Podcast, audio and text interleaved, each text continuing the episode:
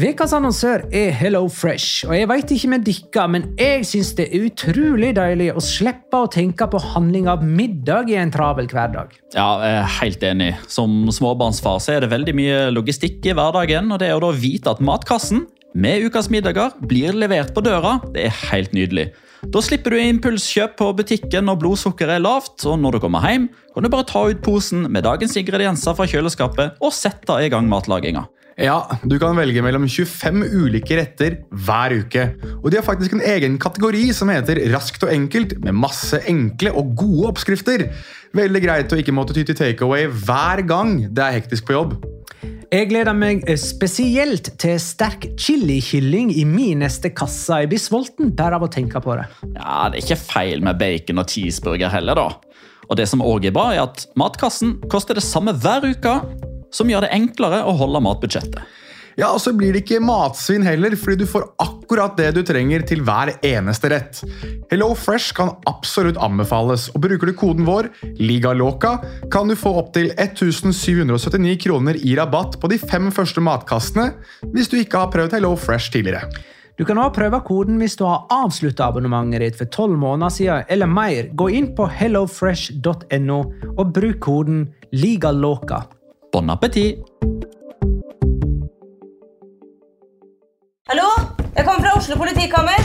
Ine Jansen er purk. Er du purk? The motherfucking bitch. Alt jeg vil, er å finne ut hva som skjedde med mannen min. Jon Carew. Er jeg sikta for noe? Iben Akeli. Det er du. Ole So, Lars Berrum og Big Daddy Karsten. Hvem sin side er du på, egentlig? Anette Hoff, Tone Danielsen. Kommer du fra Afrika?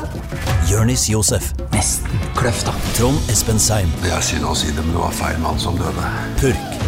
Premiere tirsdag på TV2 Play.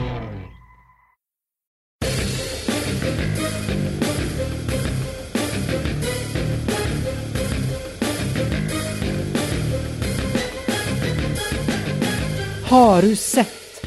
Kan Luis Suárez være forskjellen på ti tapte og ti vunne poeng? Ganske enkel forskning viser at svaret er ja, ettersom Atletico har ti poeng mer enn Barcelona, selv om Barcelona har ti ganger så mange avslutninger som Atletico, og har spilt flere kamper enn dem. La liga loca. En litt gærnere fotball. Ja, ja, ja, dette er La Liga Låka, episode 146 av det helt ordinære slaget med Petter Veland i Spydeberg. Hei. Hallo. Eh, er det forsinkelse på linja, eller er du bare så utrolig treig? Ikke treig, jeg ble eh, en anelse såra av vondbråten. Eh, fordi at Du må jo stå på ditt. Du må jo fortsette Ja, å si jeg- på. Ja, jeg, jeg har gitt opp uh, kampen og orker ikke mer. Okay. Ok. Eh, og det var, det, det, det var med deg, ja. Og så er det med Jonas Giæver, en plass i Oslo sentrum. Hei. Hei på deg! Og meg, Magnar Kvalvik på Bjerke. Hei. Og godt nyttår til dere. Godt nyttår! Godt nyttår. Endelig. Er det noe er det noe mer å si? Ja, er vi bare sånn kjempeglade for at 2020 er ferdig, og så nå eh, ser vi fram mot eh, lysere tider? Ja, vi må vel kanskje prøve på det. Det var, kan ikke bli så mye verre, kan det det? Nok smalltalk eh, for eh, dagens episode. Vi hopper rett på runde 17. Kamp for eh, kamp. Vi skal ikke glemme at det var en runde 16 i romjula. Eller, ja, vi skal prøve å huske det, i alle fall, men vi, vi fokuserer nå på runde 17. Villarreal vant 2-1. Eh, det betyr at Villarreal så smått reiste seg etter 2-0-tapet for Sevilla på vesle nyttårsaften. 20 år gamle Ferninho ble La Ligas første målskårer i 2021, og har skåra i to av Villarreals fire siste kamper. Han ser spennende ut for tiden. Gerard Moreno skåra og er fremdeles toppskårer i La Liga, delt med Aspas og Luis Suárez. Villarreal er nummer fire inntil videre. Er det noe dere vil legge til? Petter? Nei, det er vel egentlig ikke det. Nei. Det var en, uh, en kamp som inneholdt det du sa, og ikke noe mer. Real Betis Sevilla 1-1. Sevilla med fire poeng på to tøffe møter med Villarreal og Betis, men de var rimelig heldige som fikk med seg det ene poenget i Sevilla-derby. Eh, Betis brant jo blant annet Nei, de fikk jo to straffespark. Kanale skåra på det første, og Nabil Feker bomma på det andre. Det virka som han insisterte på å ta det andre, selv om Kanalis var på banen. Er det noen som har hørt eller sett noe i ettertid? Uh, nei, ikke sett eller hørt noe, men uh, jeg synes det er litt sånn oppsummerende for Nabil Feker, på både godt og vondt. At han gjør egentlig en fantastisk bragd ved å vinne straffesparket, og så skal han bare være så inn i helvetes stolt over det og ta straffesparket selv, og så driter han seg ut. og det betyr at Betis bare har vunnet fire av de 30 siste heimekampene mot Sevilla. Fire av 30 heimekamper i Sevilla-derby. Det er jo helt vilt! Ja, og én av 15, så trenden har jo bare blitt verre og verre. Chetaffe Valladolid 0-1. Sean Weismann skåra og virka like overraska som oss andre. Chetaffe har én seier på de siste elleve seriekampene og er årets Villarreal. De går fra kamp om europacupplasser i fjor til nedrykksstrid i år. Jonas? Bare få gitt litt skryt til Sean Weismann, da, som klarte å eh, ha 14 mindre feiringer i én feiring denne gangen når han scora. Nå så det egentlig mer ut som han ja, var det ikke hva ble det om, Petter? At det så mer ut som en henging han prøvde å illustrere noe annet. Jeg skjønte ikke den feiringa, og jeg prøvde å søke meg opp om det var noe religiøst, eller om det var noe vi ikke visste om, men jeg har ikke funnet noe godt svar. Så Eh, til lytterne, hvis det er noen som vet noe om hva den feiringa der egentlig betød, så vil jeg veldig gjerne vite hva det var, for jeg er jo litt opptatt av sånt. Uh, akkurat nå så synes jeg det så ut som noe jeg har sett i en, en eller annen ekkel film eller noe sånt. Uh, og det er ikke helt det minnet jeg har lyst til å sitte igjen med. Altså Den, den religiøse varianten av det er jo kanskje at han henger på korset. da, At det er et eller annet med, med Jesus. Han er jo fra Israel, som jo er sentral i mange av disse historiene. Ehm, det er mitt, uh, mitt, bud. Men altså, ja, han skal ha honnør for at han uh, jekka seg ned på feiringa. Men han klarte jo da faktisk å ha en feiring nå som han ikke inkluderte blant de 48 forrige gang. Ja, det er sant. Kongen av feiringer, det er altså Sean Weismann. José Bordalas er den Getafe-treneren som har ledet laget i flest primærkamper gjennom historien nå, og kanskje var det akkurat så vidt at han rakk å oppnå den statusen, eller hvordan ligger han an, eh, Petter, nå som Getafe er i nedrykksstrid? Nei, jeg tror ikke han ligger så dårlig an ennå. Jeg, eh, jeg, tror han fortsatt lever på gamle meritter, og han har jo òg et veldig godt forhold med Ankrel Torres. Eh, men jeg syns jo det er Jeg syns det er interessant at Um, altså Vanligvis, da, når, når, trenere er der lenge, uh, så er det jo ofte folk utenfra som begynner å snakke om at uh, væremåte og spillestil begynner å tære på omgivelsene osv. Det er jo ofte sånn som uh, vi som sitter i studio, kanskje begynner å bruke som årsaker til at det går trått. Uh, fordi sånn er det jo ofte, at man tærer på omgivelsene når man sitter der lenge. Men denne gangen så kom det fra Bård Lars sjøl. Eh, som eh, hadde den teorien eh, når han fikk spørsmål i forkant av Valladolid-kampen om hvorfor, hvorfor, det ikke går så bra nå som det har gjort tidligere. Og Da sa jo han egentlig det samme som Retafe-presidenten Angel Torre sa i et radiointervju dagen før, med at det er ganske mange spillere som har vært der under hele Bordalas sin periode. Det er ganske lite utskiftninger de spillerne som kom inn i sommer, brorparten av de sitter jo mer på tribunen enn de er på banen. altså F.eks. Victor Mojerro, eh, Ante Palaversa, Abdullah Diaby. Det er jo ingen av de som spiller noe som helst, de er knapt i troppen. Så det er veldig lite utskiftninger. Og så kjenner man jo òg fra historier om Simione, som har fortalt at det har vært helt tvingende nødvendig å bytte ut to, tre, fire spillere fra sesong til sesong for å kunne opprettholde den aggressiviteten og driven til å spille sånn møkkafotball, i hermetegn.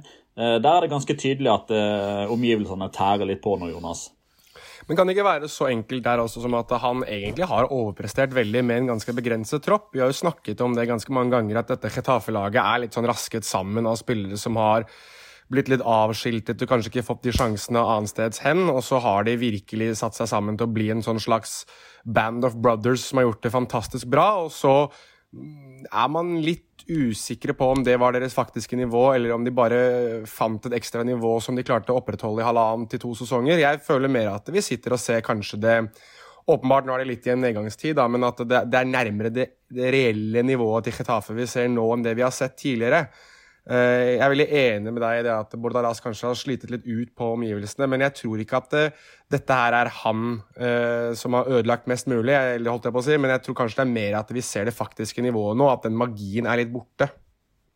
Og så vant de mange poeng eh, på en usympatisk måte nå står liksom bare det usympatiske igjen. Real Madrid Celta Vigo 2-0. Marco Ascencio og Lucas Basques med hvert sitt mål og hver sin målgivende. Mer om det senere. Atletic Klubb Elche 1-0. Iker Moniain ble matchvinner for Atletic, som tapte mot Real Sociedad på nyttårsaften. Og allerede da hadde nok klubben bestemt seg for å sparke Gaisca Garitano og å ansette Marcelino Garcia Toral. Han debuterer mot Barcelona onsdag kveld. Eh, det kommer vi tilbake til. Jeg vil eh, bare nevne at Elche nå har ti seriekamper på rad uten seier. Noe som inkluderer uavgjort mot Real Madrid på vesle nyttårsaften, faktisk. Alaves Atletico Madrid 1-2. Marcos Llorente og Luis Suárez skåra da Atletico holdt på å gi fra seg seieren mot et Alaves-lag som utligna til 1-1 med ti mann mot elleve. Eh, Suárez redda seieren med skåringer i siste minuttet, eh, og er altså delt toppskårer i La Liga. Han er den eneste av de tre på toppen av toppskårerlista som ikke har skåra på straffe. Hm. Vi kommer tilbake til Atletico Madrid, som altså er serieleder. Eibar Granada 2-0. Dette var Eibar sin første heimeseier for sesongen. De trengte ni forsøk, så nå har alle La Liga-lag omsider vunnet på heimebane. Eh, Brian Hill skåra begge for eh, Eibar, og viser jo gryende form eh, om dagen. Mm. Real Sociedad Osasona 1-1. Eh, Jonathan Kaleri fortsetter å bøtte inn mål for Osasona.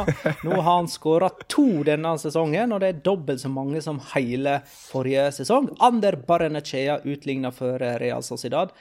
Eh, La Real slo altså Atletic i Baskar-derby på nyttårsaften. Da hadde de ni offisielle kamper på rad uten seier og tre strake tap i La Liga. Er det noe dere vil føye til på Real Sociedad og Sona? Altså, eh, vi kunne jo ha nevnt noe om basketderby her, da, siden den kom i midtveka da med ja, det begynner på en måte ja, jeg, noen dager siden. Jeg tror nok det var det som var i hvert fall spikeren i kista for hvorfor Gais Garetano fikk sparken, det, det tapet for Real Sociedad. Fordi det var eh, ja, Sjelden har jeg vel sett et lokalderby, da. Eh, I hvert fall uh, i Spania. Der det har vært såpass åpenbart at det ene laget har vært altså, flere hestehoder foran det andre. Altså, det var tidvis der hvor jeg satt og tenkte ok, det her er liksom ikke gøy engang. Um, fordi Real Sociedad bare utspilte Atletic etter alle kunstens regler, da, syntes jeg.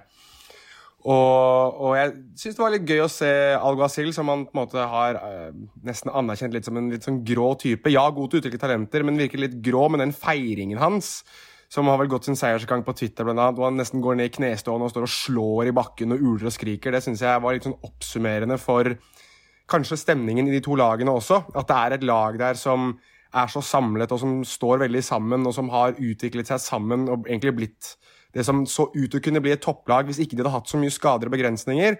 Mens Atletic egentlig har vært veldig individuelt og veldig sånn alle mann for seg selv. Eh, så jeg tror den kampen uthevet i, i langt større grad de virkelig store forskjellene mellom de to lagene, og hvordan de har utviklet seg de siste årene. Og så har det da kulminert i at man nå går en ny vei i Athletic. Så det er vel egentlig den kjappe oppsummeringen av det jeg i hvert fall så fra den kampen der.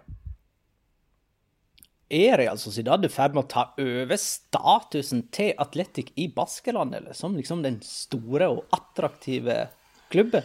Hvor mye har Jossu og Øya betalt deg for å stille det spørsmålet? jeg tror nok uh, Håvard Leon Skjold er ganske forbanna akkurat nå. Men, uh, men jeg, tror ikke, jeg, tror ikke, at de er i ferd med å ta over. fordi Sist gang de var i, i hermetegn i ferd med å ta over, så gjorde Atletic det rimelig enkelt ved at de bare kjøpte Inigo Martinez. Um, og så var kursen staket ut deres vei.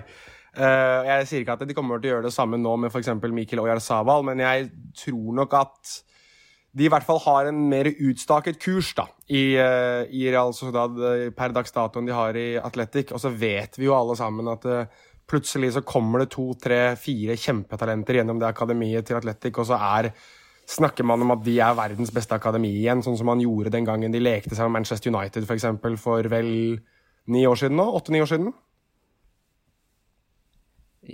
Ja Var det i 2012?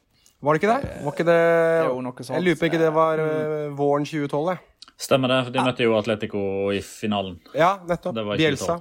Ja, nemlig. Uh, Uesca Barcelona 0-1. Frenkie de Jong matchvinner for Barcelona etter en strøken Messi-pasning. Her er, uh, vi, vi kommer jo tilbake til Barcelona etter hvert, da, for det skjer jo spennende ting der i januar. Uh, men det er viktig å påpeke at Uesca-trener Michel kan bli den neste treneren som får sparken i La Liga, etter bare én seier på 17 seriekamper. Michel er, har en egen evne til å få klubber opp fra Segunda eh, og rett ned igjen til Segunda. Ja, han, eh, han vant vel heller ikke. Nei, han vant vel heller ikke noe av sine eh, ti siste kamper som Rayo-trener forrige gang han var i La Liga. Noe sånt, så han har vel én seier på de siste 27 i La Liga. Og da er, liksom, da er det da er det begrensa hvor mange ganger han skal få forsøke igjen før liksom, toget har gått for Uesca. Men han har jo tydeligvis knekt Segunda-koden, da. For det er jo ikke eh, på en måte gitt at han skal rykke opp heller med disse lagene. Det er jo ikke, har ikke nødvendigvis oddsen på sin side for å rykke opp med Uesca. Nei, og det er jo derfor han eh, fortsatt sitter, til tross for at han ligger der han ligger på tabellen med Uesca. Det er jo fordi han lever på den æren som han uh, tilegna seg å lage når de klarte å rykke opp. Så trikset her er å gjøre sånn som Elche gjorde. da. Basically At du rykker opp med en trener, sparker han, ansetter en ny en. Så du får han til å ta deg opp til Primera, og så får han sparken. Det gjorde jo Alaves òg. De rykka opp. Ja, og så fikk ikke Pepe Bordalas eh, være med. eh, og så rykka Bordalas opp med Retafe året etterpå. Ja, stemmer. Eh, Det skal nevnes at eh, Uesca har ni uavgjortårer på de 17 kampene sine, så de tar jo poeng eh, i flere kamper enn de taper. Har dere fått med dere hvem som er håper å si, medienes bud på hvem som eventuelt står klar til å ta over? Jeg har ikke fått det med meg, men kan jeg gjette? Ja? Er det Abelardo? Nei? Men det hadde vært et uh, plausibelt, logisk valg. Ja. Nei, jeg vet ikke hvem. Robi. Ja, selvfølgelig. Å ja, det kan jo Men det kan jo bli Det- gøy, da. Det kan Ja, men jo han, bli gøy. han, han, han er jo ekstremt flink til å få ting til å skje med en gang, og Ja. så kollapser det. Men han fikk jo Uesca opp forrige gang, og så ble ikke han med. Han gikk til Español Ja, og hadde var suksess av de. der. Stemmer det, han var en av de. Uh, ja, men OK. Uh, den siste kampen i runde 17 er Valencia-Cádiz. Den har avspark om to timer fra akkurat nå. Samme når du hører dette. Eh, mandag kveld klokka 21 blir den kampen spilt. Eh, Valencia ligger på nedrykksplass når den kampen blir sparka i gang. Eh, og hør, her skal dere få et oddstips som dere hører etter at denne kampen har blitt spilt. Cádiz er det eneste laget som ikke har fått straffe i La Liga. Og før eller senere kommer det straffesparket, og det gjør det selvfølgelig på Mestøya. Ja, altså, jeg, ja, jeg, vil føye, jeg vil føye inn her at som du sa, det ene laget ligger på 18.-plass, det andre laget ligger på 12.-plass. Um, og altså, alle ville jo trodd logisk at Valencia var laget på 12., men sånn, sånn er det ikke. Og jeg har harselert og tulla mye og liksom fyrt meg veldig mye opp uh, rundt Valencia, men jeg vil egentlig si ganske seriøst at Eh, jeg tror ikke at dette her kommer til å bli så veldig mye bedre for dem. Altså det, det, det er så mye som ikke stemmer i den klubben, og nå har vel Havi Gracia til og med sagt at i år må vi bare håpe på at vi overlever. Um, og dette er Valencia som ja, var det i 2019 var cupmester. Altså Valencia som egentlig eh, så ut til å kunne være i ferd med å, å, å gjøre seg opp en posisjon blant topp seks i La Liga. Nå er de nede på nedrykk. Det er um, jeg vet om mange Valencia-supporter i Norge som har det vondt, og jeg vet om enda flere som har det enda vondere i Valencia. Hvis du noen gang skulle lure på hvor seriøs den der krisa der er blitt, så, så tror jeg faktisk den posisjonen eh, på tabellen sier det aller meste. Og når jeg sitter og ser på den, så er altså Elche ligger poenget foran med én kamp mindre spilt. Uh, Getafe har like mange kamper spilt med to poeng mer, og så har du da Valladolid og Alaves som alle har tre poeng uh, mer, og også én kamp mer spilt. Altså, det her er ikke sånn at de har masse kamper mindre spilt. Altså, de ligger der fortjent fordi de har vært pil råtne hele sesongen, nesten. altså.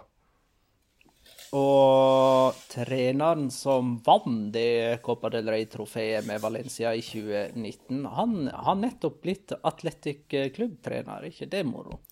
Han kan, bli, han kan bli cupmester to sesonger på rad, han da?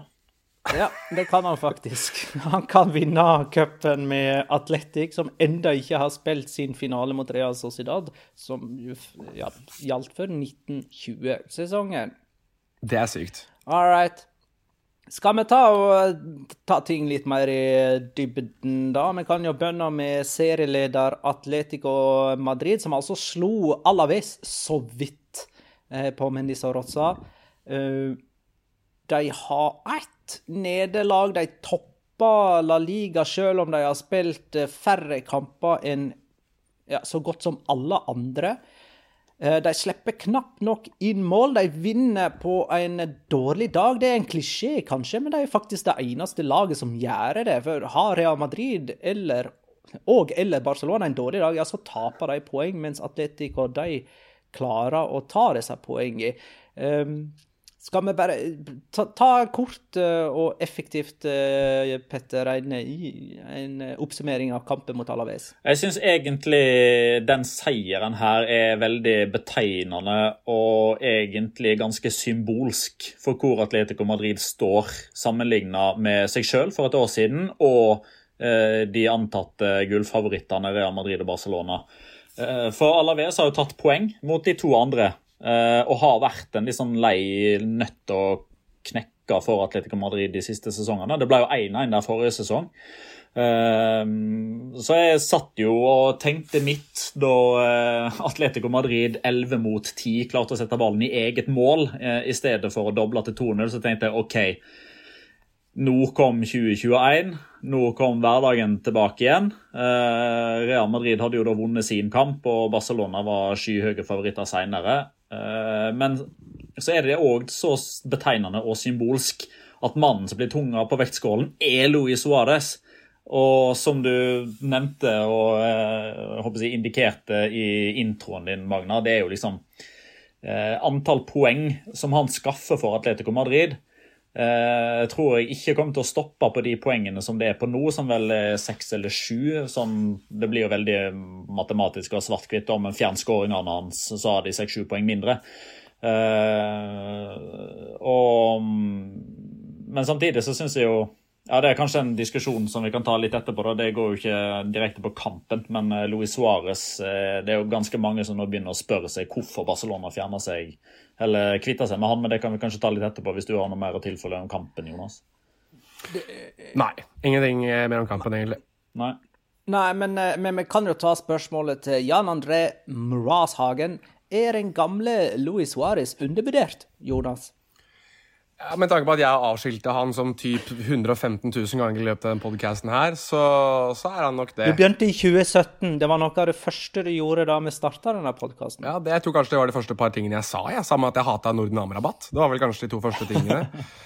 uh, men ja, nei, jeg er helt uh, Altså, veldig mange kritikere, meg inkludert, har jo fått passet påskrevet av Luis Suárez uh, denne sesongen. og Eh, Petter sa veldig mye av det jeg tenkte, og jeg stiller meg litt bak det. At det er veldig symbolsk at den som er tungen på vektskåla, er Luis Suárez. En type spiller som du egentlig kanskje ikke hadde forbundet med Atletico Madrid i form av eh, om de kunne få tak i ham. Og da går tankene veldig tilbake til en annen spiller man ikke trodde de skulle få tak i, som eh, tidvis også var tungen på vektskålen den gangen de vant i 2013-2014. Og vi har jo nevnt han i sammenligning tidligere, og det er jo David Villa, selvfølgelig. Um, og jeg begynner å se konturene av det samme. Eh, og når du vinner sånne kamper som det der, så på den måten som du gjør, gjør det der, så er det vanskelig nå for meg å sitte og tenke at uh, altså Det skal jo en så enorm kollaps til. og Det, skal, altså det er jo så absolutt antisimionsk, mens jeg kan bruke det begrepet, å falle såpass hardt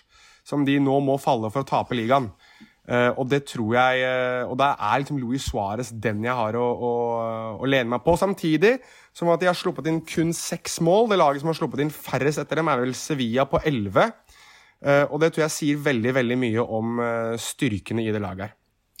Samtidig så syns jeg jo det må kontekstualiseres litt, det her med den såkalte avskiltinga av Suárez det var jo i Barcelona-henseende. Altså, mm. Er Luis Suárez god nok til å være en nummer ni for Barcelona som de spiller? Og ja. Det er litt den uh, si, diskusjonen Altså, Jeg vil den overhodet ikke til livs, fordi uh, alle andres argumenter veier jo like tungt som mine. Men jeg syns det blir litt for enkelt å si at Barcelona hadde hatt de ti poengene ekstra ja. uh, og de ni skåringene ekstra hvis Luis Suárez fortsatt hadde vært der, for de spiller ja. fotball på Altså, du, du, du finner altså, Greit at Atletico Madrid har eh, moderert seg litt grann i hvor eh, risikovegringsfylt de har vært. Mm. De har mer ball og de spiller litt mer offensivt og tar litt større risiko nå pga. at Luis Suárez er der. Men mm. Barcelona forrige sesong kontra hvordan Atletico Madrid spiller nå altså det, det, kan på mange måter ikke sammenlignes. Det er jo litt det samme som at når, når, vi sier at Marcelo er ferdig, takk for kaffen, nå må du gi deg, så er det i en Real Madrid-sammenheng. Det betyr ikke at mm. han ikke kan være en fantastisk venstreback for Sevilla. Ja, jeg tror uh, Det er litt viktig å, å, å gi noe kontekst her. for at, uh, altså, Min tanke har aldri vært at Luis Suárez skulle skippes til Fenerbahçe. Altså, det, er ikke, det er ikke det jeg mener. at Det er ikke det nivået der vi snakker. men at han var ikke god nok for, for, det Barcelona og det laget de prøvde å stille på banen. Det, det, tror jeg var poenget til i hvert fall meg, og sikkert andre kritikere også. Ikke at jeg skal prøve å ro båten min i havn her nå, for jeg var veldig Jo, det prøver du faktisk, for du sa han er ferdig på toppnivå. Og hvis Atletico vinner ligaen med Luis Suárez, ja, så ja, er han på topp toppnivå. Det er sant, men jeg, ikke, men jeg, er litt usikker på om Barcelona på den måten de spiller på, kunne vunnet en liga med Luis Suárez. Men nå viser det seg det at det er. Nå viser det seg at Atletico Madrid kan gjøre det. Men poenget mitt var også det at eh, jeg trodde at Lautaro Martinez skulle være mannen til å erstatte ham. Og det tror jeg hadde vært en perfekt erstatter. Men når vi nå sitter i januar 2021 og sier at det er Martin Braithwaite og en ganske dårlig Antoine Griezmann som er de som skal gjøre det, da tror jeg faktisk også at Luis Suárez kunne gjort minst like god jobb som det de, to, det de to holder på med nå. I tillegg til at også Ansu Fati er skada. Sebastian skriver er det morsomt, trist eller begge deler at Griezmann kom til Atletico sesongen etter at de vant tittelen, og reiste sesongen før de klarte det igjen. Spørsmål, Hvis du legger inn det at han også har tatt en Champions League-finale med Atletico Madrid, så er det jo litt sånn tragikomisk, kanskje?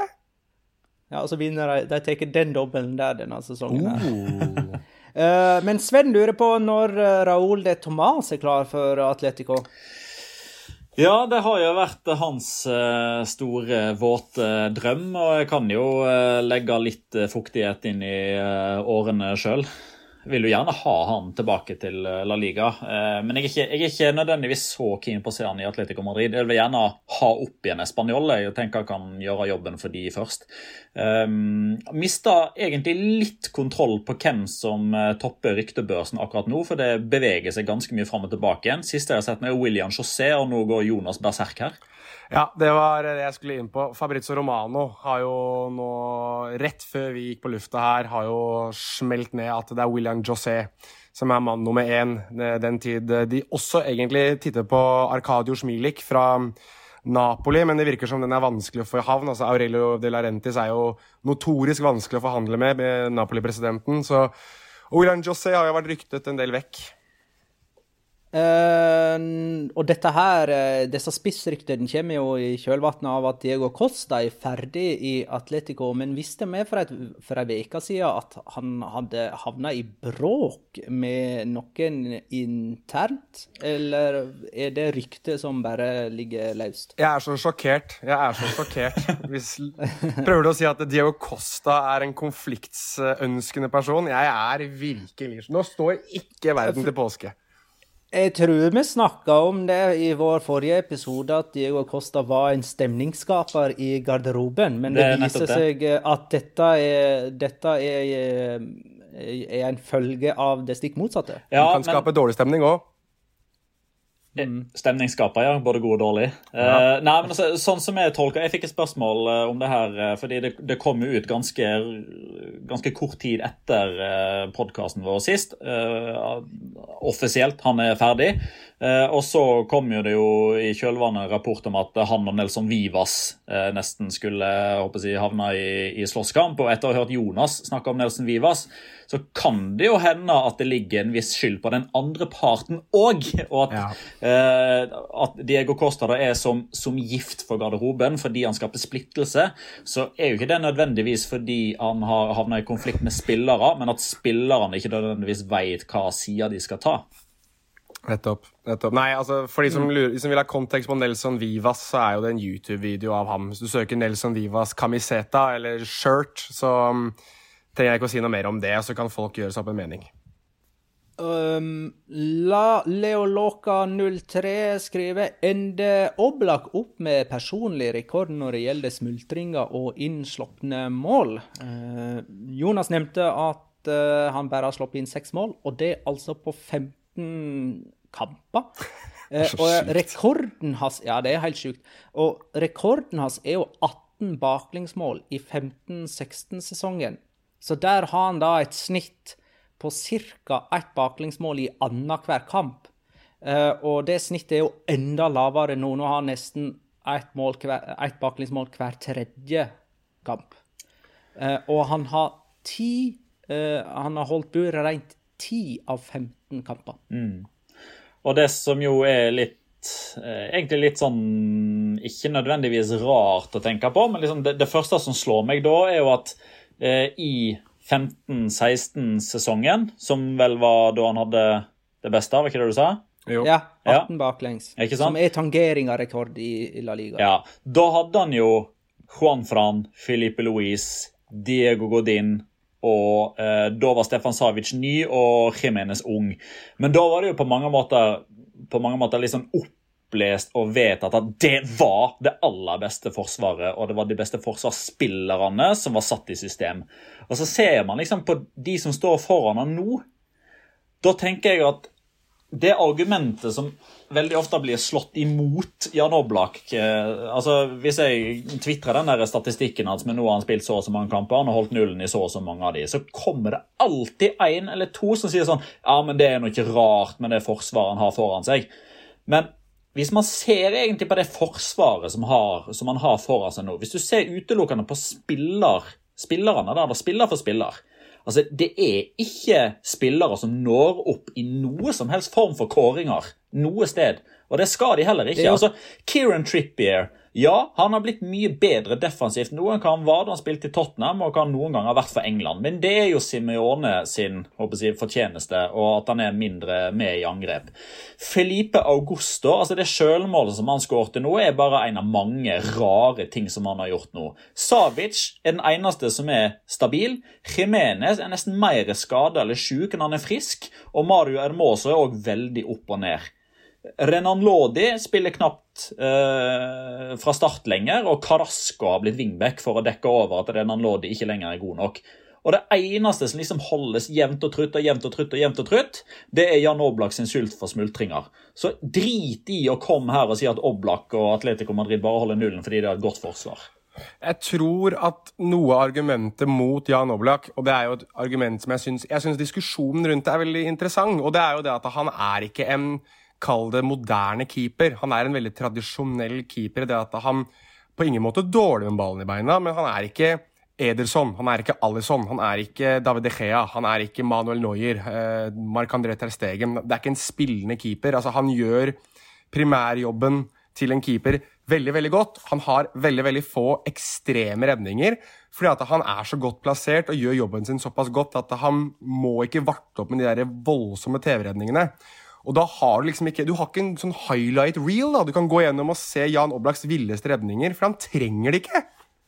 Men samtidig så syns jeg at det er litt sånn Det er den speilvendinga av Louis Suárez, da. Altså, ja, Luis Suárez skårer masse mål, men han er ræva på alt annet. Jo, men det viktigste er at han skårer mål. Men så kan man si jo, men Luis Suárez har faktisk strømtouch, og han mister ballen. Og han klarer mm. ikke å sende pasninger til lagkamerater. Men Jan Oblak har jo ingen svakheter. Men det er jo spørsmålet mitt, er Jan Oblak veldig undervurdert, da? Ja. Ja, definitivt. Og det er det jeg sitter igjen med, Jeg jeg, mener også. alle som ikke setter Jan Oblak som nummer én på lista over beste keepere, de undervurderer han. Jeg tror vi eh, forlater Atletico Madrid eh, og går videre til lag nummer to på tabellen, som er Real Madrid. De slo Celta Vigo med 2-0 og ligger to poeng bak Atletico med to kamper mer spilt. Er jo nesten så jeg må dobbeltsjekke når jeg sier sånne ting. Det er eh, en rar sesong. Eh, her, eh, Real Madrid slo et formsterkt Celta Vigo, er viktig å påpeke. Celta Vigo hadde fem seire og én uavgjort før dette møtet. Og det føltes som de slo de kontrollert. Det var liksom eh, Det var som å se det Celta Vigo-laget som drev og kravla på nedre halvdel for eh, ja, et par uker siden, egentlig. Jonas? Ja, jeg lurer jo veldig på hva de har i vannet i eh, de diverse balkanske landene. Uh, for nå har du Zlatan Ibrahimovic, som tidvis har vært i Bosnia og Kroatia litt sånn forskjellig i sin oppvekst og drukket vann der. og Ser bare yngre og yngre, yngre ut. og Det samme kan vi begynne å si om Luka Modric også. I den kampen her så er han jo Altså, Det er jo tidvis der hvor det er sånn Ja, ja, han er vel plutselig blitt 25 igjen, han da. Fordi han bare styrer og steller og har full kontroll. og jeg syns han og- jeg, synes jeg Luka kan dele litt av den drikkevaren med navnebror sin. altså. Ja, ja, definitivt. Men jeg, men jeg vil jo også bare få sagt, før du får lov til å ta over her, at uh, jeg synes Benzema og, og Luka Modric gjør en utsøkt jobb i det å ta ut Renato Tapia. Altså, Tapia har aldri sjans til å begynne å spille seg ut. Han har aldri sjans til å påvirke kampene på den måten som han har gjort. Og det er fordi at Modric og Benzema begge to har han under lupe hele kampen gjennom. Og, og det gjør at Kodett og det laget der ha, mister den der evnen til å spille seg ut. Mister den der sikkerheten de har hatt i spillet hele tiden. Og, og det kommer veldig til syne, i hvert fall på den andre skåringa, der, der Tapia blitt tatt helt på senga. Så, så Real Madrid har i hvert fall blitt det første laget til Og for å gi Zidane litt sånn honnør for å være kanskje taktisk smart Han skjønte og var den første til å knekke det, at tar du ut Tapia, så tar du også ut veldig mye av brodden i det Celta-laget. Jeg er enig i veldig mye av det som blir sagt her. Eh, Hvem eh, navnebror tenkte du på? Lukajovic. Ja. Ja, han, Eh, han, han blir jo bare yngre og yngre i huet, han òg, så det er helt greit. Altså, Sånn, ja. Zlatan og Lukajovic drikker et eller annet som gjør at de er kjempegode, til tross for at de er gamle. Lukajovic drikker jo åpenbart ingenting, for han får jo ikke spille engang. Eh, det er jo litt interessant det Abrahamsen skriver. da. Real Madrid har brukt 150 millioner euro på å hente Luka Jovic, Militao og Odriozola. De tre er nå bak henholdsvis Mariano, Nacho og Lucas Vasques som høyre back. Så eh, det virker som Zinedine Zidane har fått mest ut av de som liksom har vært der en stund, men ikke de nye som har kommet inn. Det virker som de eh, sliter med å finne sin plass. Og eh, Eden Azard sliter jo òg, eh, og da passer det å stille spørsmålet fra Andreas Svae. Hvorfor er Lukas Vaskes så god nå?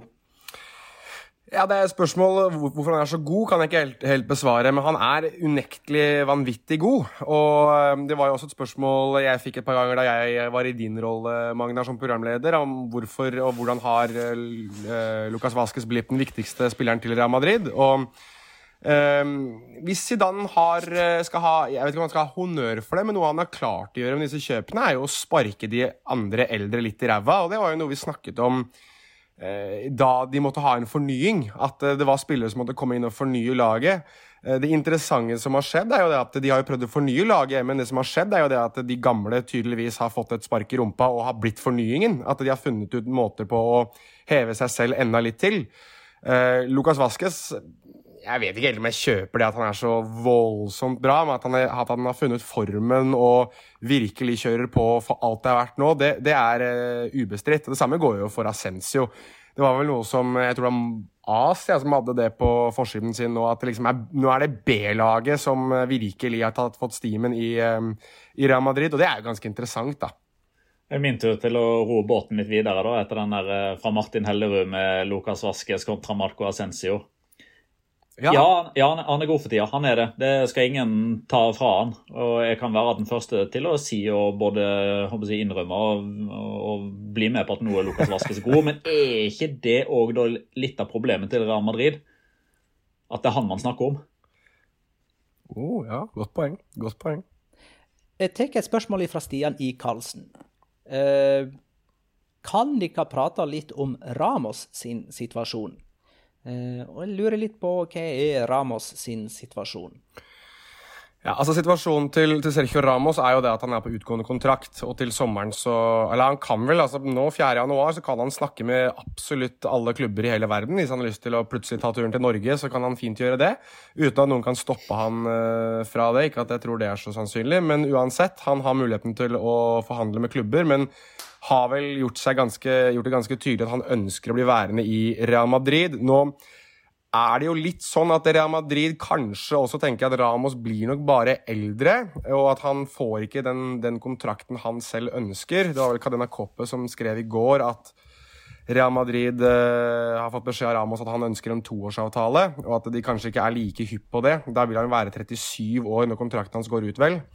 Uh, I tillegg så rapporteres det at David Alaba fra Bayern München, som også er i den samme situasjonen som Sergio Ramos, at han kan snakke med klubber, er i ferd med å signere for eh, Real Madrid. Det er blitt meldt av Marca. Jeg ser også at Jan Åge Fjørtoft, som vi vet at har gode kilder, har meldt på Twitter at eh, han har hørt at Alaba er klar for Real Madrid.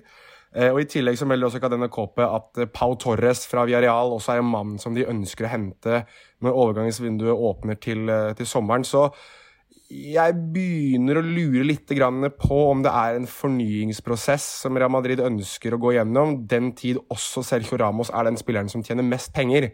At de ikke helt ser grunnlaget for at han skal ha så mye penger grunnet alderen hans, og grunnet det at han i manges øyne kanskje lever litt på lånt tid med tanke på den alderen, da, selv om han er ekstremt god til å holde seg i form. Jeg syns det er noen eh, mekanismer som begynner å slå inn her. Det er et uh, ord vi bruker litt i La Liga Loca når det er snakk om presidentvalg og Messi som krysser med fjær osv. Men jeg syns det er liksom Ramos har stått over eh, sånn jevnt over, da. Ganske sjelden han står over Real Madrid-kamper. Eh, noen ganger så er det fordi han blir hvilt, noen ganger så er det fordi han er skada. Som oftest er det fordi han er suspendert. Hvor ofte har vi hørt at han har magesjau? Altså, Magesjau, eh, altså den der gastroenteritis, eh, som jo er det fagterminale språket Litt usikker på om uttalen er riktig, men gastro et eller annet på spansk. Eh, da er man liksom ute med spysjuka eller magesjau. Det er typ den han er ute av andre årsaker, sånn mellom linjene. Og at han da står over den første kampen etter at 2020 har blitt til 2021. Han går fra ikke kunne snakke med eh, andre klubber til å kunne snakke med andre klubber. Etter måneder fram og tilbake på forhandlingsbordet, med Ramos som ikke sier noe som helst, med Perez som ikke sier noe som helst, med bror René Ramos som nå begynner å gi intervjuer i diverse medier, samtidig som David Alaba er klar. Eh, så her er det bare å finne fram popkornet. Det er nye kapitler som kommer. Mm, ja, jeg ser at du Jonas, har lyst til å si noe, men nå må vi snart runde av denne praten. Ja, nei, jeg, det kort. Jeg, det var, kortet var det at det, det ironisk var at det var magesjau. Vi husker jo alle at Sergio Ramos er en spiller som i løpet av kamp har løpt ut for å drite. Så Ja, så jeg tror kanskje vi skal ta den magesjauen på alvor, Petter. den hadde jeg glemt. Eh, men nå som Jago Aspas er ute med muskelskade, står du fortsatt inne for at Celta Vigo ender på øvre halvdel, Petter? Ja, fordi han mister heldigvis ikke så mange kamper. Han mister heldigvis kampen mot Viadial. Eh, det gjør Nolito òg. Eh, men etter det så er det jo litt eh, Copa del Rey og litt spillefri pga. Supercoppa som tar alt fokuset. Så det er egentlig bare to, maks tre kamper han mister. All right. Barcelona slo altså Uesca borte med 1-0. Lionel Messi hadde vel tosifra antall avslutninger og null skåringer i den eh, kampen? Igjen. Ja, det er mange som lurer på hvorfor eh, for, Ta Sreddy, for eksempel. Hvorfor uh, overpresterer keepere så ekstremt når de møter Barcelona? Men var det egentlig en keeper-overprestasjon, eller var det at Messi skjøt ballen vanvittig langt utafor og himmelhøyt over mål til tider?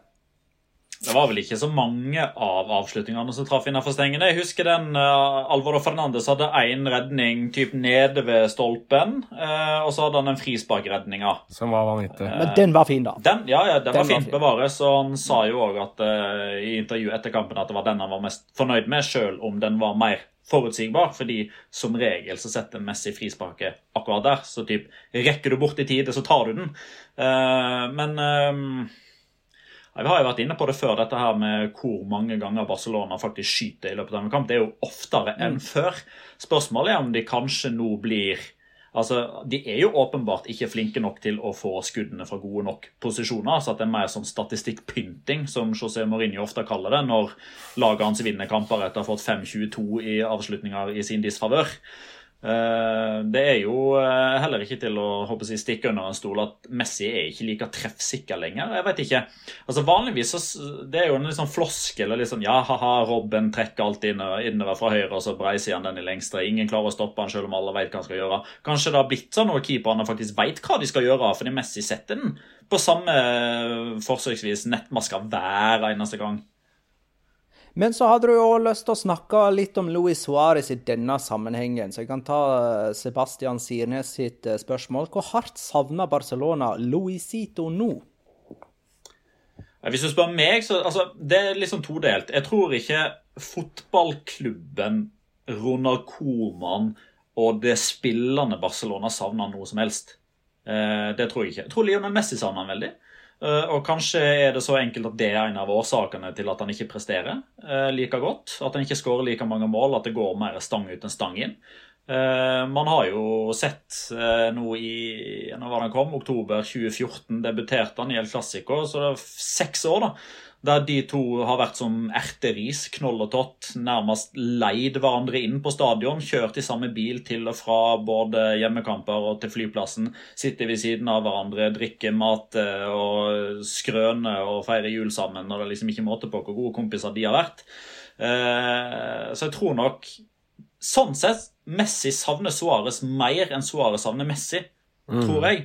Eh, når det kommer til det rent spillemessig, så må jeg nesten bare henvise til det jeg sa i stad. Altså, eh, den måten Barcelona spiller fotball på, å ha Luis Suárez som en nummer ni, ødelegger mer enn det gir de, tror jeg. Og så er det jo mange som lurer på dette med overgangsmarkedet og Barcelona, og hvorvidt de kan uh, forsterke seg i januar. Og det er vel helt avhengig av det presidentvalget som kommer 24.1, som gir da den valgte presidenten ei uke av overgangsvinduet. Ja. kan man utrette på det? Du kan definitivt utrette ganske mye på en uke, det har man jo sett før. Men uh, spørsmålet er jo om Barcelona har penger uansett til å gjøre noe som helst. Altså det, det har jo allerede blitt sagt at de har ikke råd til å hente Alaba, selv om de har lyst på han, de også. Eh, de prøver jo å uh, få Erik Garcia på en slags avtale. Han er jo også en av disse spillerne som kan gå gratis til sommeren. Det samme går jo også for Memphis Depay, men jeg tror liksom ikke at en ny president kan slå hardt i bordet med Erik Garcia Memphis Depay som to virkelig, virkelig eh, signalsigneringer, da, hvis vi kan kalle det for det.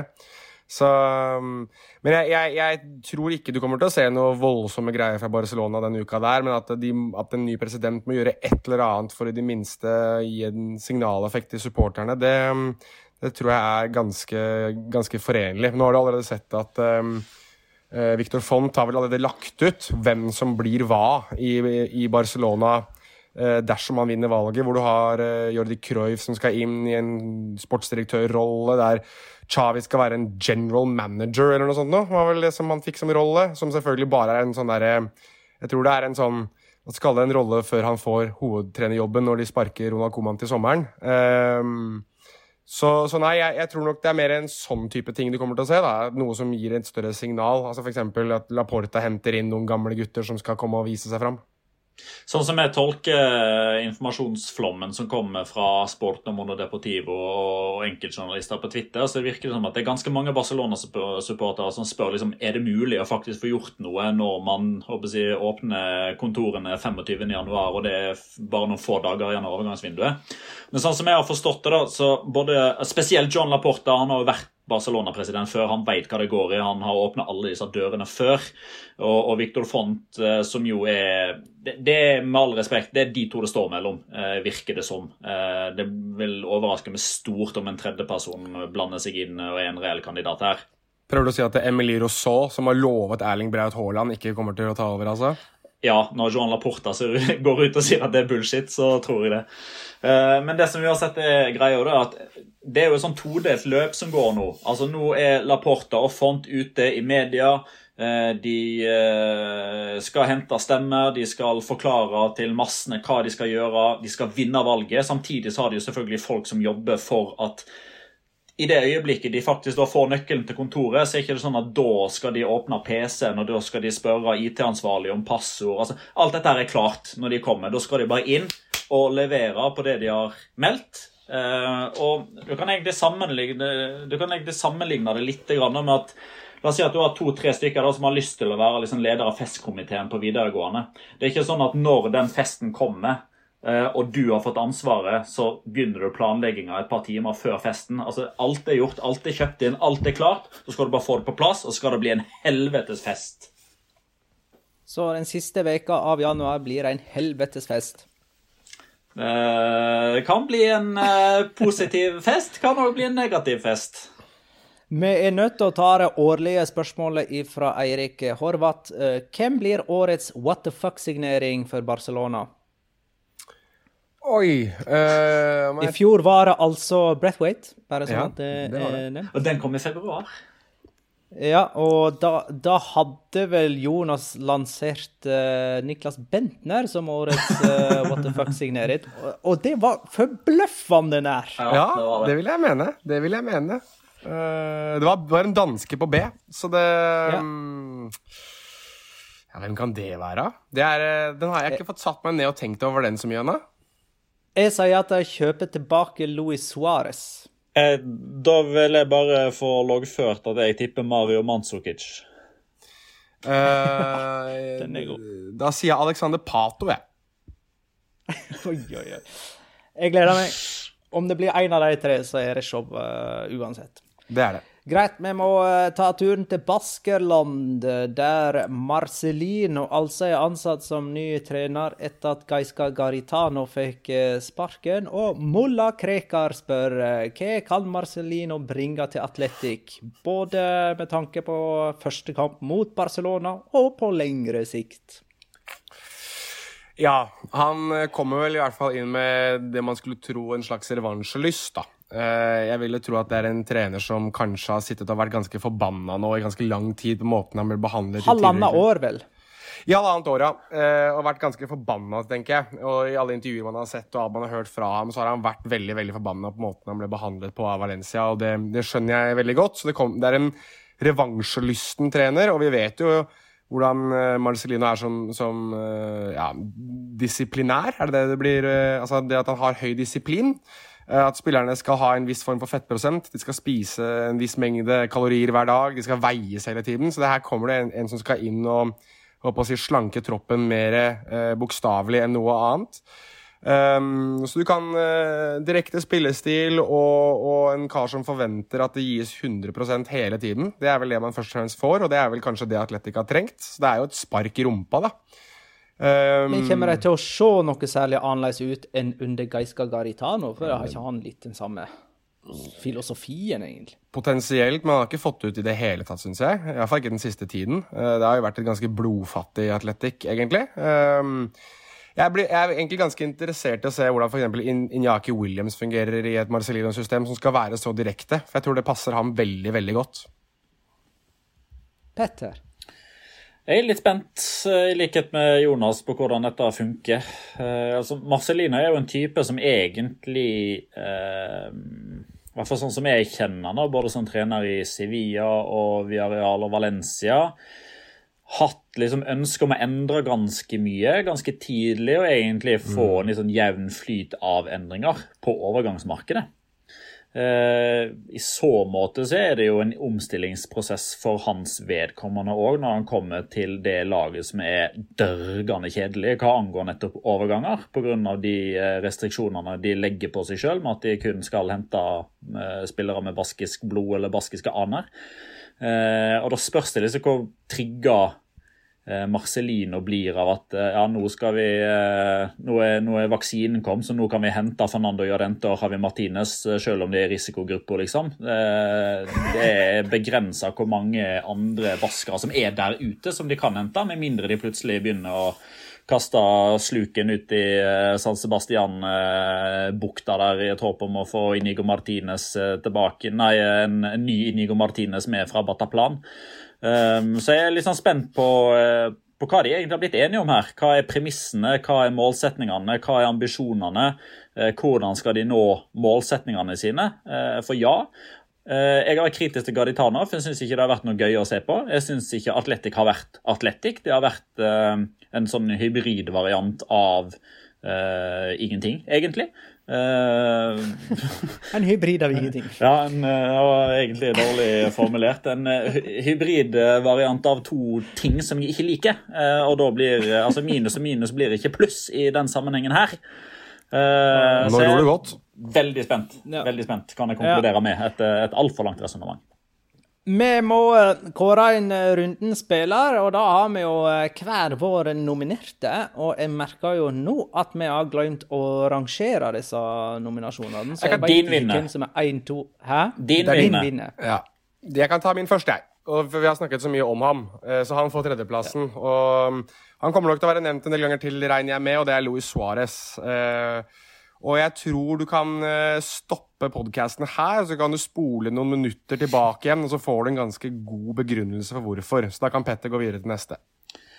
Uh, ja, uh, for min mann uh, spiller jo for Atletic, så det var jo egentlig en ganske fin overgang i så måte. ser man på jeg, høydepunktene her, så ser man han lite grann. ser man f.eks. på livescore.com eller bare leser et kort kampreferat, så er han ikke involvert i det hele tatt.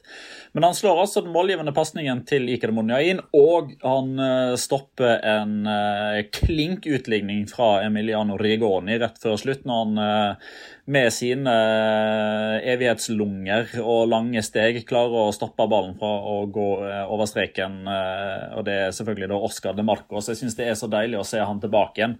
Få 90 minutter, legge beslag på den høyresida, sånn som han har gjort altfor lite pga. skader de siste årene. Så mitt ønske for 2021, eller det er ikke det jeg ønsker i 2021. Eh, i så fall en av mange ting. Men jeg vil svært gjerne se Oscar de Marcos skadefri utover våren. Eh, kanskje kan vi se han i nærheten av det nivået som gjorde at eh, Manchester United visstnok skulle betale 60 millioner euro for han for ja, hva var det vi ble enige om? Snart ni år siden? Stemmer. Uh, ja, min nominerte uh, utmerker seg rent statistisk og uh, er den store forskjellen på resultatlista for Eibar. Brian Hill skåra begge mål for dem i deres første heimeseier denne sesongen. jeg syns fortsatt det er litt morsomt at han er Eibars eneste tenåring, og det er han i en av La Ligas eldste staller med tanke på snittalder. Og han er tenåring bare i en måned til, før han blir 20 eh, i eh, februar. Jeg lurer på om han er den eneste tenåringen Eibar noen gang har hatt i primærdivisjon, men uh, det har ikke jeg sjekket. Han er, han er i alle fall den eneste som har skåra, fordi han er tidenes yngste målskårer for Eibar. Og den som var tidenes yngste, det var Marco Correia, og han hadde passert 20 da han var det. Riktig. Eh, og med sine to mål denne helga her, så ble Brian Hill den andre spilleren født etter år 2000 som skåra to mål i én og samme La Liga-kamp. Den første var Anso Fati. Eh, og Brian Hill er altså på lån fra Sevilla og ser ut til å vokse heftig på dette lånet. Hva sier Jonas? Nei, Jeg vil bare få sagt, eh, gitt han litt skryt. fordi at jeg vil, i hvert fall, vet ikke om jeg har sagt det i podkast, men jeg har kanskje sagt det privat dere begge, at jeg egentlig aldri har forstått hypen rundt Brian Hill. men han ser ut som han har vokst eh, både fysisk og i hodet noe helt vanvittig det korte oppholdet så langt i Eibar. Altså Det steget hans med ball og retningsforandring og forståelse osv., det er eh, er helt vanvittig å se på. Uh, og jeg, Han har blitt en av mine absolutte favoritter, og grunnen alene til at jeg ser på Eibar-kamper, egentlig. Uh, overgår det Marco Correa gjør. Og så syns jeg det er gøy at uh, fysisk så ser han ut som en sånn hybrid av Pablo Hernandez og Johan Cruyff. det er bare rent fysisk. Er, han, har, han, er deres love child, det er jeg helt sikker på. All right, da er det på tide med Locora! Ukens La Liga Locura. La Liga Locura. Noen som ønsker å begynne i dag? Jeg kan godt gjøre det, altså. Min er veldig dårlig, så jeg kan godt ta min først. OK. Det er bra du skrur opp forventningene, da. Nei, det var vel egentlig det at altså, Valencia klarte jo eh, i kampen mot uh, Granada Jeg går en runde tilbake. Um, å få to, to røde kort uh, i én og samme kamp Altså, Jason Remeseiro er jo grusomt dårlig. og Gonzalo Geders er den andre som er hakket bedre, og det er ikke så veldig mye bedre, det egentlig. Men jeg synes det er interessant at Valencia får to Eh, røde kort i en kamp der eh, både Jakabi og Mangala spilte, og ingen av dem fikk dem. I tillegg så syns jeg det er veldig interessant at um, Geders har fått ekstra kampskarantene for å be dommeren om å dra til helvete. Og da begynner jeg å lure litt på uh, hvor tynnhuda er man da som dommer når du blir så indignert av en spiller som ber deg om å dra til helvete? Det er en slags locora for meg i et land som Spania, der vi bl.a. kan bæsje på horemødrene til hverandre, og at det bare blir tatt som vann på gåsa. Mens, og det å dra til helvete, der drar vi linja. Ja, Petter, du kan få ta neste, da, siden min er så innmari bra, og vi sparer det beste til slutt. Ja, det er, det er helt riktig. Eh, det er faktisk en eh, sånn egenopplevd eh, locora. Og det var årsaken til at jeg ble bortimot sjokkert, eller veldig overraska over at Barcelona slo Uesca. Eh, fordi på søndag så var jeg på jobb og så dermed ikke La Liga direkte. Så jeg hadde min vante rutine med ikke å oppsøke Twitter, med unntak av når jeg legger ut lineups og diverse. Jeg eh, ga beskjed til Jonas om å holde munn, eh, og det var han veldig flink til. Takk. Og når jeg skulle begynne å se Uesca mot Barcelona da var kampen ferdig spilt. Eh, den var begynt å nærme seg halv tolv, og jeg hadde på TV-en i bua. Jeg hadde på NRK. For jeg tenkte, er det én TV-kanal jeg kan ha på som ikke informerer om Barcelona, så er det NRK. Eh, og Så kom Kveldsnytt, og så kom Sporten. Eh, og så kommer det hoppuka, og det er Tour de Ski, og det er Premier League. Det forventa jo at skulle komme. Og så ser jeg bilde av en nedbrutt Lionel Messi over hele skjermen. Nedbrutt. Ser ned, ikke fornøyd i det hele tatt. Og eh, sportsankeret begynner da å si at det har vært eh, mange topplag som har hatt en tøff høst eller tøff vinter, og jeg hiver meg over fjernkontrollen, smeller den bortimot i TV-en så, så, den går i svart, og så tenker jeg søren òg. Ja, ja. Det blir iallfall spennende å se om de tapte eller bare fikk uavgjort. Men de vant jo! Mm. Ja, det var Du følte det var litt misvisende ja. innledning på ja. men, men han har antageligvis sagt da Men i kveld! Eh, men jeg skjønte liksom ikke ok, men hvorfor skal Messi være misfornøyd da? Greit, han skåra jo ikke, men de vant jo. Jeg tror han fortsatte med eh, altså Hva var det han sa? Mange storlag som hadde hatt det tøft. Ja. Eh, men men uh, få har hatt det så tøft som Barcelona. Uh, og så kom høydepunkt over en liten opptur, da, tydeligvis. Ja. Jeg så dette sjøl. Jo, da, men min locora går til Real Sociedad, som har én seier på de siste offisielle elleve offisielle kampene sine. Den seieren kom selvfølgelig i selveste basketderby på selveste nyttårsaften. Og tross denne elendige formen er de likevel nummer tre i La Liga. Det skal egentlig ikke gå an, men det går an når man får lov til å spille mange flere kamper enn alle andre lag. Vi har kommet til runde 17 i La Liga, og de har spilt 18 kamper. Jonas? Ja, jeg må få bare få, eh, Ettersom han ikke nevnes her, for jeg trodde Petter skulle ha han, da må jeg bare få sendt en liten tanke her til Java Del Yamik, som uh, strengt tatt uh, startet 2021 på det best slash verst tenkelige viset man kunne. Petter kan jo bare ta den veldig kjapt. Uh, ja, det, det er moroer uh, hvis man kan se bilder av det. Det er ikke så gøy å fortelle at en uh, mann fikk ballen i trynet fra en meter. Jeg synes det er veldig Derfor tok jeg det ikke som Locora. Jeg syns det er veldig gøy. Men på Snap så var det okay, gøy. da, Vi tipper nå. Eh, forrige tippekamp var Betis mot Sevilla. Den endte 1-1, og Soso var første målskårer. Petter hadde 0-1 med Kondé som første målskårer. Det gir null poeng. Petter hadde 15. Jeg hadde 2-1 til Betis med Christian Teio som første målskårer. Det gir null poeng, og jeg hadde 13. Eh, Jonas hadde 1-2 med Lucas Ocampo som første målskårer. Det gir null poeng, og du står med fire. Fordi han skåra jo første mål i kampen mot Viareal istedenfor! Mm. jeg har pukka Atletic Barcelona onsdag klokka 21 som eh, vår kamp denne gangen. Fordi at jeg syns det virker som den mest spennende kampen, eh, og kanskje mest åpne og av de kampene med storlag involvert denne veka. Sånn noenlunde. Så jeg har sagt Atletic Barcelona. Petter, Marcelino har aldri slått Barcelona i La Liga. Det gjør han nå. Eh, 1-0. Buffaloen. Via Libre. 1-0 ved Via Libre.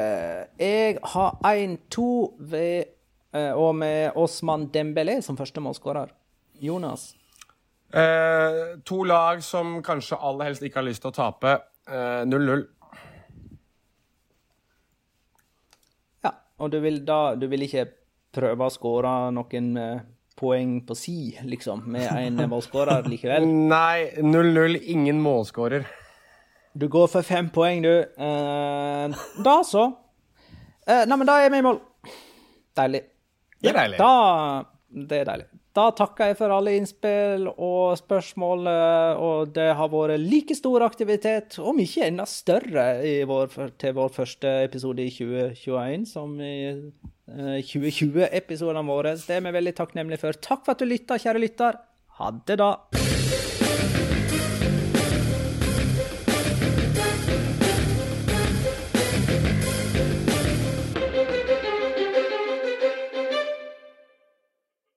Har du et enkeltpersonforetak eller en liten bedrift?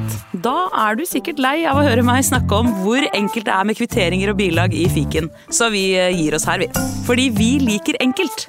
Fiken superenkelt regnskap.